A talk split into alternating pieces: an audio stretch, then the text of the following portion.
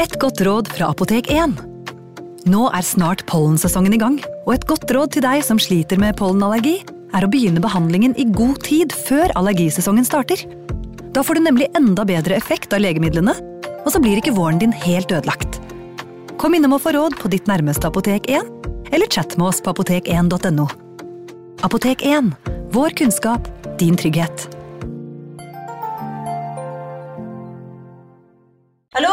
Jeg kommer fra Oslo politikammer. Ine Jansen er purk. Er du purk? The motherfucking bitch. Alt jeg vil, er å finne ut hva som skjedde med mannen min. Jon Carew. Er jeg sikta for noe? Iben Akeli. Det er du. Ole So, Lars Berrum og Big Daddy Karsten. Hvem sin side er du på, egentlig? Anette Hoff, Tone Danielsen, Kommer du fra Afrika?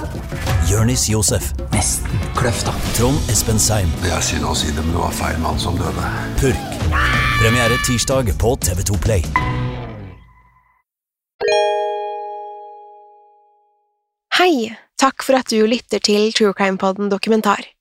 Skulle du ønske at du kunne høre en ny episode av denne podkasten hver eneste uke? Vel, da er det bare å laste ned podkastappen Untold med en gang. I tillegg til ukentlige episoder av podkaster som Skrekkpodden, Synderne og True Crime Podden, får du masse annet reklamefritt og eksklusivt innhold. Last ned Untold i AppStore eller Google Play, og start din 30 dagers prøveperiode i dag. you.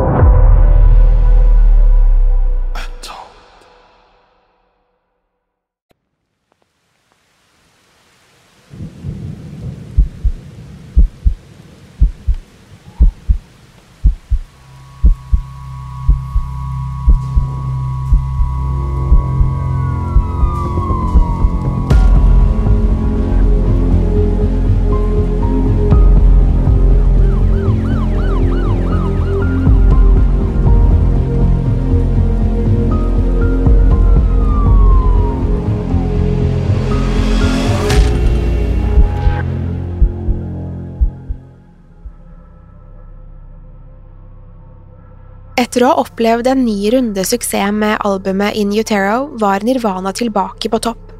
Konserter og turneer ble organisert over hele USA, og bandet skulle til og med legge ut på en europaturné. Nirvana spilte for fulle hus hvor enn de dro, og folk gikk amok kun for å få tak i billetter. Det var ikke ofte at Nirvana besøkte Europa, så om man skulle få med seg konsertene, måtte man være rask. Suksessen med det nye albumet så også ut til å lette på depresjonen til Nirvanas frontmann, gitarist og vokalist Kurt Cobain. Han hadde lenge vært plaget av sykdom og rusavhengighet, men nå så han ut til å ha det bedre enn noen gang. I alle fall ifølge de som ikke nødvendigvis kjente han så godt. For Kurts kone Courtney Love, derimot, virket det slett ikke som Kurt hadde det bra. Hun var sikker på at det var noe som plaget ham voldsomt. Det hendte stadig at han ringte hjem fra Europa, nærmest på gråten, fordi han var så sliten og ikke orket mer. Det hele kulminerte i at Kurt ble alvorlig syk med bronkitt etter en konsert i München i mars 1994. Han ble sendt til Roma for behandling, hvor han ble møtt av Courtney og datteren deres, Frances. Den samme kvelden hadde Kurt tatt en overdose på en kombinasjon av Rohypnol og dyr champagne. Han skulle reddes, men dette betydde slutten på europaturneen. Konsertene ble utsatt, og Kurt satte seg på et fly hjem til Seattle. Kanskje visste han det ikke selv, eller kanskje han gjorde det, men de resterende konsertene i Europa skulle aldri gjennomføres. Innen den tid skulle Kurt Cobain nemlig være død, og Nirvana var foruten sin karismatiske frontmann. Europaturneen var ikke det eneste Nirvana hadde planer om å gjennomføre. Det var også en rekke datoer i USA som Kurt nå ba om at ble utsatt eller kansellert. Det var til fansens store fortvilelse, og mange begynte å spekulere i om Nirvana var i ferd med å oppløses. Kurt selv holdt fast ved at det kun var helseproblemene hans som hindret han i å spille, og at Nirvana slett ikke skulle oppløses. Likevel virket det som Kurt helt hadde mistet interessen for musikk, kunst og turnélivet. Han var sjelden til å se utenfor hjemmet, og var blitt svært tilbaketrukken. Courtney, som ofte var hjemme med ham, la også merke til andre, mer skremmende tendenser. Etter Europa hadde Kurt blitt mye mørkere til sinns og snakket som om han ikke hadde noen grunn til å leve. Kort tid etter at de var kommet tilbake til Seattle, skulle Courtney bli så bekymret for Kurt at hun ringte politiet. Den 18. mars 1994 hadde han nemlig låst seg inne på et rom i huset deres med en pistol. Ifølge Courtney hadde han truet med å ta livet av seg og nektet å slippe henne inn. Politiet dukket opp hjemme hos Cobain-familien, og Courtney viste dem til rommet hvor Kurt hadde låst seg inne. Da de banket på, hadde han åpnet med det samme og virket forfjamset. Ifølge han selv var han slett ikke suicidal, slik som Courtney påsto. Likevel hadde politiet valgt å konfiskere to skytevåpen fra Kurt, bare for å være på den sikre siden. Det var ingen tvil om at noe plaget Kurt voldsomt. Etter den utsatte europaturneen hadde rusavhengigheten hans blomstret opp igjen. Nå var det blitt så ille at selv Courtney, som ikke var ukjent for narkotika fra tidligere, var blitt svært bekymret. Mengdene narkotika Kurt fikk i seg hver dag, var så store at hun var redd det snart ville ta livet av ham. Den 25. mars 1994 samlet Courtney derfor en rekke av Kurts nærmeste venner og ba dem komme og snakke med ektemannen. De var alle bekymret for at misbruket snart kunne ta livet av ham om han fortsatte som før. Det gikk så langt at Courtney til og med truet med å nekte ham å se datteren, Frances, om han ikke frivillig la seg inn på avrusning. Kurt hadde blitt rasende da han ble konfrontert av vennene sine. Han bannet og ropte, og låste seg etter hvert inne på badet. Courtney og flere av Kurts venner sto på utsiden og tryglet om at han forbedret seg, og til slutt virket det. Kurt kom stille og rolig ut, og lovet at han skulle legge seg inn til avrusning på en klinikk i Los Angeles. Den 31. mars ankom han klinikken sammen med Courtney og Frances. De sjekket Kurt inn før de tilbrakte dagen sammen som en familie. Kurt lekte med datteren og så ut til å være lykkelig. Oppholdet på klinikken ville være bra for ham. Så snart han var frisk, kunne de være sammen igjen, og da ville alt bli bedre. Idet det gikk mot kveld og Kurt var nødt til å returnere til klinikken, tok han farvel med Courtney og Frances. De ga hverandre klemmer og kyss før de gikk hvert til sitt. Kurt vinket en siste gang til datteren, før dørene lukket seg bak ham. Det skulle bli siste gang Courtney og Frances så Kurt i live. Kurt hatet klinikken i Los Angeles. Han hadde vært der en gang tidligere og hadde mislikt det så mye at han skrev seg selv ut etter et par dager. Denne gangen skulle han ikke holde ut i mer enn én dag før han fikk nok. Om kvelden den 1. april hadde Kurt sagt til de ansatte på klinikken at han skulle ut for å ta seg en sigarett. I stedet hadde han hoppet over gjerdene og stukket av. Han satte seg i en taxi og kjørte rett til flyplassen. Der hoppet han på det første flyet tilbake til Seattle. Courtney og Frances bodde fremdeles på et hotell i Los Angeles og ingen kunne helt forstå hvorfor han ikke hadde tatt dem med seg hjem. Han hadde ikke engang reist innom dem for å fortelle at han hadde stukket av fra klinikken. Tidlig om morgenen den 2. april hadde Kurt dukket opp hjemme i huset sitt i Seattle. I og med at Courtney og Frances fremdeles var i Los Angeles, var huset tomt, med unntak av en fastboende au pair. Au pairen var ikke klar over at Kurt skulle komme hjem, og hadde blitt overrasket da han plutselig satt på sengen. De hadde snakket så vidt sammen før Kurt hadde sagt at han skulle en tur inn til byen. Det var siste gang noen med sikkerhet snakket med Kurt. Flere påsto å ha sett ham rundt om i Seattle de påfølgende dagene, men det var det hele. Dette gjorde Courtney fryktelig bekymret. Hun hadde fått en telefon fra au pairen om at Kurt var i Seattle, men nå fikk hun ikke tak i ham. Det var heller ingen som visste hvor han var, og hva han holdt på med. Courtney hyret derfor inn en privatetterforsker for å finne ektemannen. Om det var sånn at han fremdeles var i Seattle, burde det være mulig å finne ham. Courtney ga privatetterforskeren tillatelse til å undersøke de mange eiendommene Combain-familien eide, men det ga ingen resultater. Etterforskeren reiste fra eiendom til eiendom de neste par dagene, men fant ikke Kurt noe sted. Dagene gikk, og det var ingen som hørte noe fra Kurt. Det virket nærmest som om han hadde forsvunnet i løse luften. Privatetterforskeren fortsatte å undersøke eiendommene flere ganger daglig, men Kurt dukket ikke opp. Han var borte, og ingen kunne si noe om hvor han var blitt av. Det var helt tidlig om morgenen den 8. april 1994, en drøy uke etter at Kurt hadde stukket av fra klinikken i Los Angeles.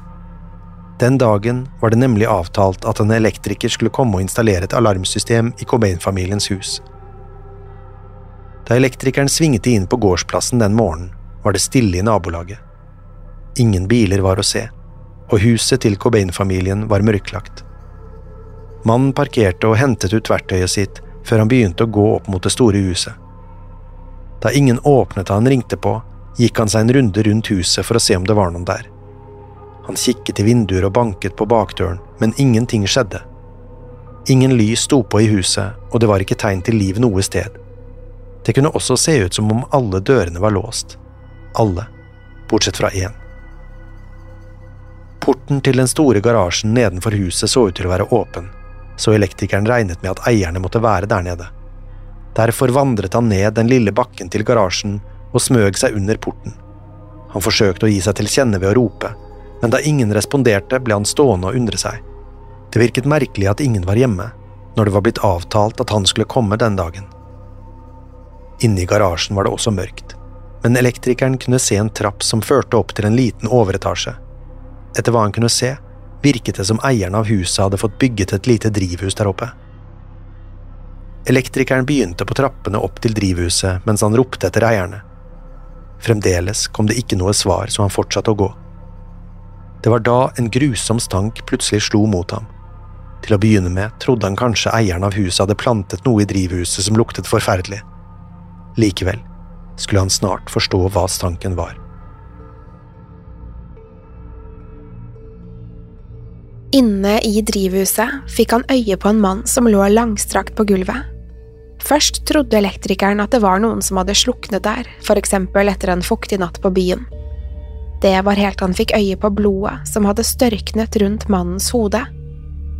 I hendene hans hvilte en hagle, og på gulvet lå en rekke tomme sprøyter spredt rundt ham. Kurt Cobain var død, etter alt å dømme skutt for sin egen hånd, alene i drivhuset sitt i Seattle. Elektrikeren ringte straks til sjefen sin, som igjen kontaktet en lokal radiostasjon og fortalte at et lik var blitt funnet hjemme hos Cobain-familien. Derfra spredte nyheten seg raskt. Kort tid senere hadde radiostasjonen kontaktet politiet, som straks dukket opp på eiendommen. De kunne bekrefte at det var den verdensberømte rockestjernen som var blitt funnet død. Rettsmedisinere kom for å undersøke liket, og konkluderte med at han måtte ha vært død i minst to døgn før han ble funnet. Dermed hadde alle et svar på hvorfor ingen hadde fått tak i ham de siste dagene.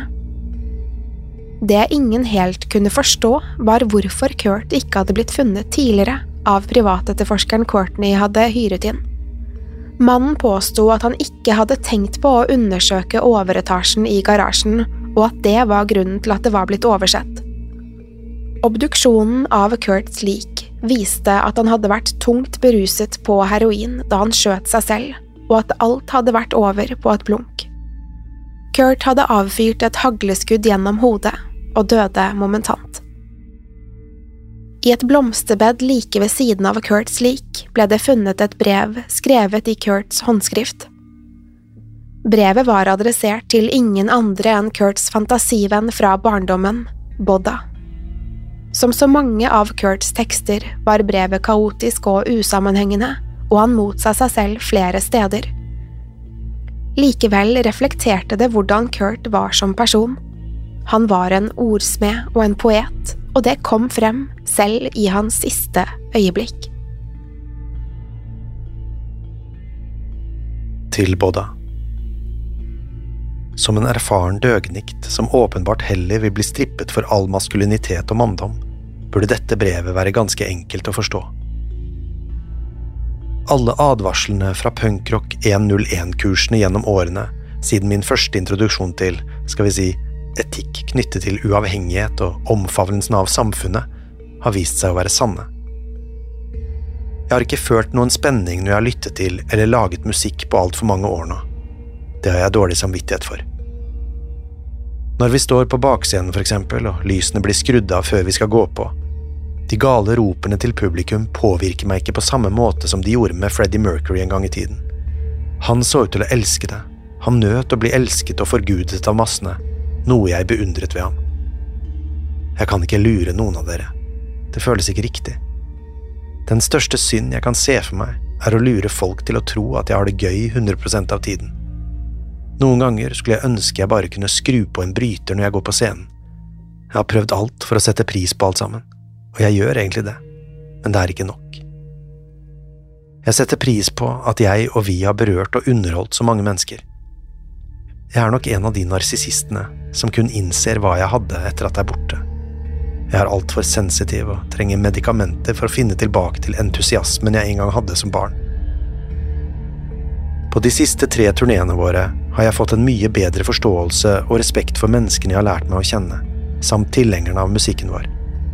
Likevel kommer jeg ikke over all frustrasjonen, skyldfølelsen og empatien jeg har for dem alle. Det finnes godhet i oss alle, og jeg tror jeg rett og slett elsker mennesker for høyt. Så høyt at det gjør meg så jævlig trist. En trist, liten, sensitiv, utakknemlig fisk av en mann. Hvorfor kan du ikke bare nyte det? Ikke vet jeg.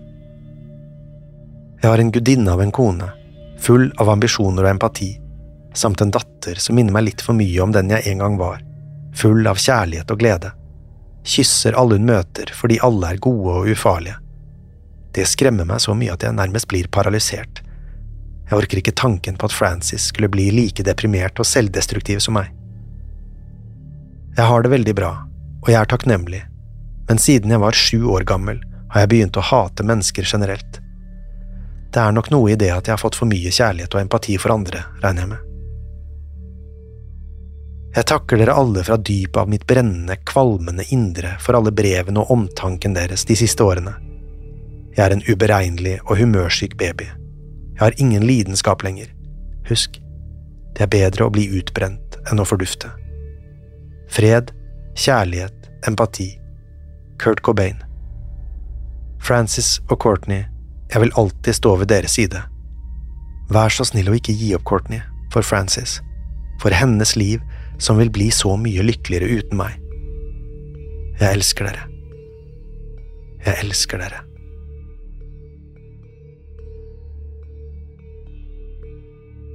Nyheten om at Kurt Cobain var død, spredte seg snart til hele verden, og plutselig visste alle om det. Nirvana-fans og hele verdens musikkmiljø var i sorg. De hadde mistet en av de beste, mest innflytelsesrike musikerne og låtskriverne i verden, og det gikk ikke ubemerket hen. Ved en minnemarkering i Seattle et par dager etter funnet av Kurt's lik skulle det dukke opp nærmere 7000 mennesker. Alle var de der for å hedre en musikklegende som hadde inspirert og gledet dem, selv på de få, korte årene han hadde vært aktiv. Det ble sagt at salget av Nirvana-album skjøt i været så snart nyheten om dødsfallet nådde ut til folk. Mediene rapporterte om at butikkhyllene var ribbet for alle Nirvanas utgivelser allerede samme dag som Kurt ble funnet død. Alle ville sikre seg et eksemplar av Nirvanas musikk og Kurts poesi. Det eneste som var igjen å finne til slutt, var et par singler. Nirvanas fans var ikke de eneste som satt igjen med et gapende sort hull etter Kurts bortgang. Bandkameratene Chris Novoselic og Dave Grohl var rystet og knust da de fikk nyheten. Likevel var de ikke så overrasket som de kanskje trodde de skulle være. De hadde sett hvordan Kurt sinn hadde blitt brutt ned den siste tiden, og hadde alltid regnet med at han skulle dø ung. Det gjorde det likevel ikke noe mindre tragisk at Kurt faktisk var borte. Verst av alt var Kurts bortgang for Courtney og Frances. De hadde mistet en ektemann og far som de aldri skulle få se igjen. I forkant av minnemarkeringen i Seattle 10. april hadde Courtney spilt inn sin egen stemme mens hun leste deler av Kurts selvmordsbrev. Det hadde vært et ekstremt sterkt øyeblikk, fylt av tårer og dyp, endeløs sorg. Courtney inviterte til og med Nirvana-fans hjem til seg i ettertid, slik at de kunne sørge sammen. Det var ingen tvil om at Kurt hadde betydd mye for mange, og at han hadde vært en støtte og en inspirasjon for en hel generasjon. Etter at Kurts kropp var blitt kremert, bestemte Courtney at asken skulle deles opp. En liten porsjon av den oppbevarte hun selv i fyllet på en teddybjørn, slik at hun alltid kunne ha Kurt med seg. Noe tok hun med seg til New York, hvor asken ble bedt for av en buddhistisk munk. Deretter ble den blandet inn med leire for å lage små statuetter til minne om Kurt.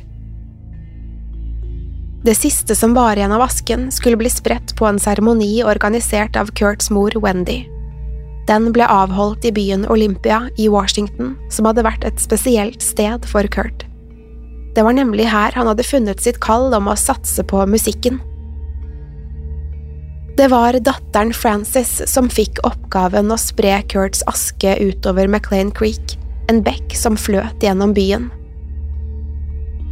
Det var til tross for at hun kun var knappe to år gammel. Kurt Cobains historie er helt unik, og allikevel er den typisk for en plaget rockestjerne. Han vokste opp i den tro at en familie skulle holde sammen uansett hva. Da foreldrene hans skilte seg da han enda var veldig ung, slet han med å godta den nye familiesituasjonen. Konstant mobbing og utestenging i barndommen og ungdomsårene gjorde ham sårbar og sensitiv, som igjen førte til at han tydde til rus for å klare seg gjennom hverdagen. Allerede i tenårene hadde han forsøkt å ta sitt eget liv, så det var tydelig at Kurt slet med indre demoner i lang tid. I musikken hadde han funnet et utløp for frustrasjonene sine. Her kunne han uttrykke følelsene sine på sin egen måte. Kurt brydde seg aldri om hva andre tenkte om det han skrev og komponerte. Alt som betydde noe, var at det han laget var viktig for ham selv. Da Nirvana tok av på begynnelsen av 90-tallet, visste ikke Kurt riktig hva han skulle tenke om det. Han hadde alltid distansert seg fra populærmusikken, fordi han mente den var sjelløs og repetitiv. Likevel kunne han ikke la være å sette pris på at andre også likte musikken han skrev. Mens Nirvana vokste seg større, ble Kurt fortalt at han burde være stolt og takknemlig for det han hadde. Han forsøkte å finne frem til disse følelsene, men innså snart at han ikke klarte å være like entusiastisk som folk mente han burde være. Selv så mye skryt og god kritikk han fikk for verkene sine, klarte han ikke å legge fra seg tankene om at noe var galt. Følelsen av at han var nødt til å klistre på seg et smil og virke empatisk og entusiastisk, skulle til slutt bli for mye for Kurt. Lenge hadde han klart å døyve inntrykkene med narkotika og alkohol, men til slutt var det ikke nok lenger. Da var den eneste løsningen han kunne se ved løpet av en hagle. Kurt Cobain og Nirvanas musikk lever fremdeles videre i dag, og monsterhiten Smells Like Teen Spirit er like populær nå som den var da den først kom ut i 1991. Nye fans finner veien til Nirvanas musikk hver eneste dag, og selv om salget av musikk ikke er det samme i dag som det var på 90-tallet, snakker tallene for seg selv. Låten er spilt over én milliard ganger på Spotify, et tall som stadig vokser. Kurts musikk har aldri sluttet å inspirere nye musikere til å satse på det de liker aller best å gjøre. Den har betydd så uendelig mye for så mange, kanskje nettopp fordi den er et slags bilde på mannen Kurt var. En plaget sjel med en visjon om å gjøre verden til et bedre sted for alle andre enn ham selv. For Kurt endte det brått, i april 1994, da han kun var 27 år gammel.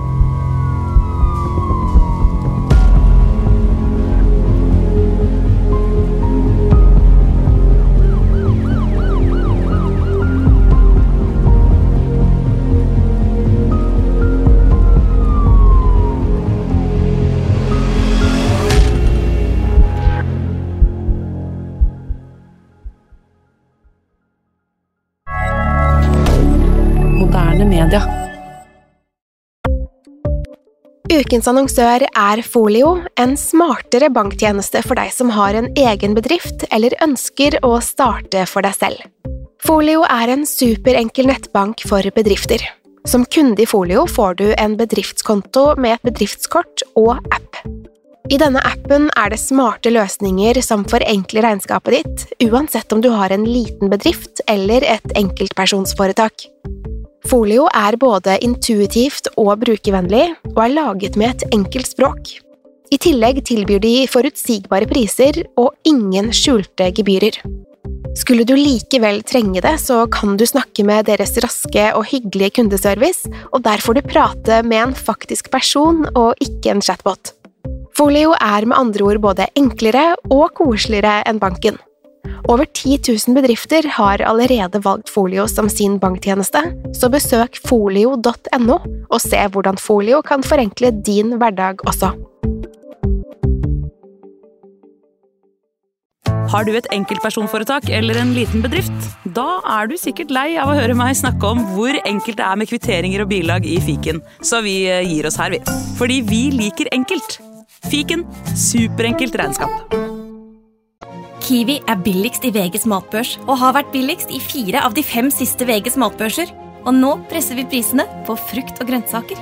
På 200 gram broccolini setter vi prisen til 24,90. På 400 gram Cevita blåbær setter vi prisen til 49,90. Og husk, alle Kiwi Pluss-kunder får i tillegg 15% trumfbonus på all fersk frukt og grønt. For det er vi som er prispresserne. Og vi i Kiwi gir oss aldri på pris.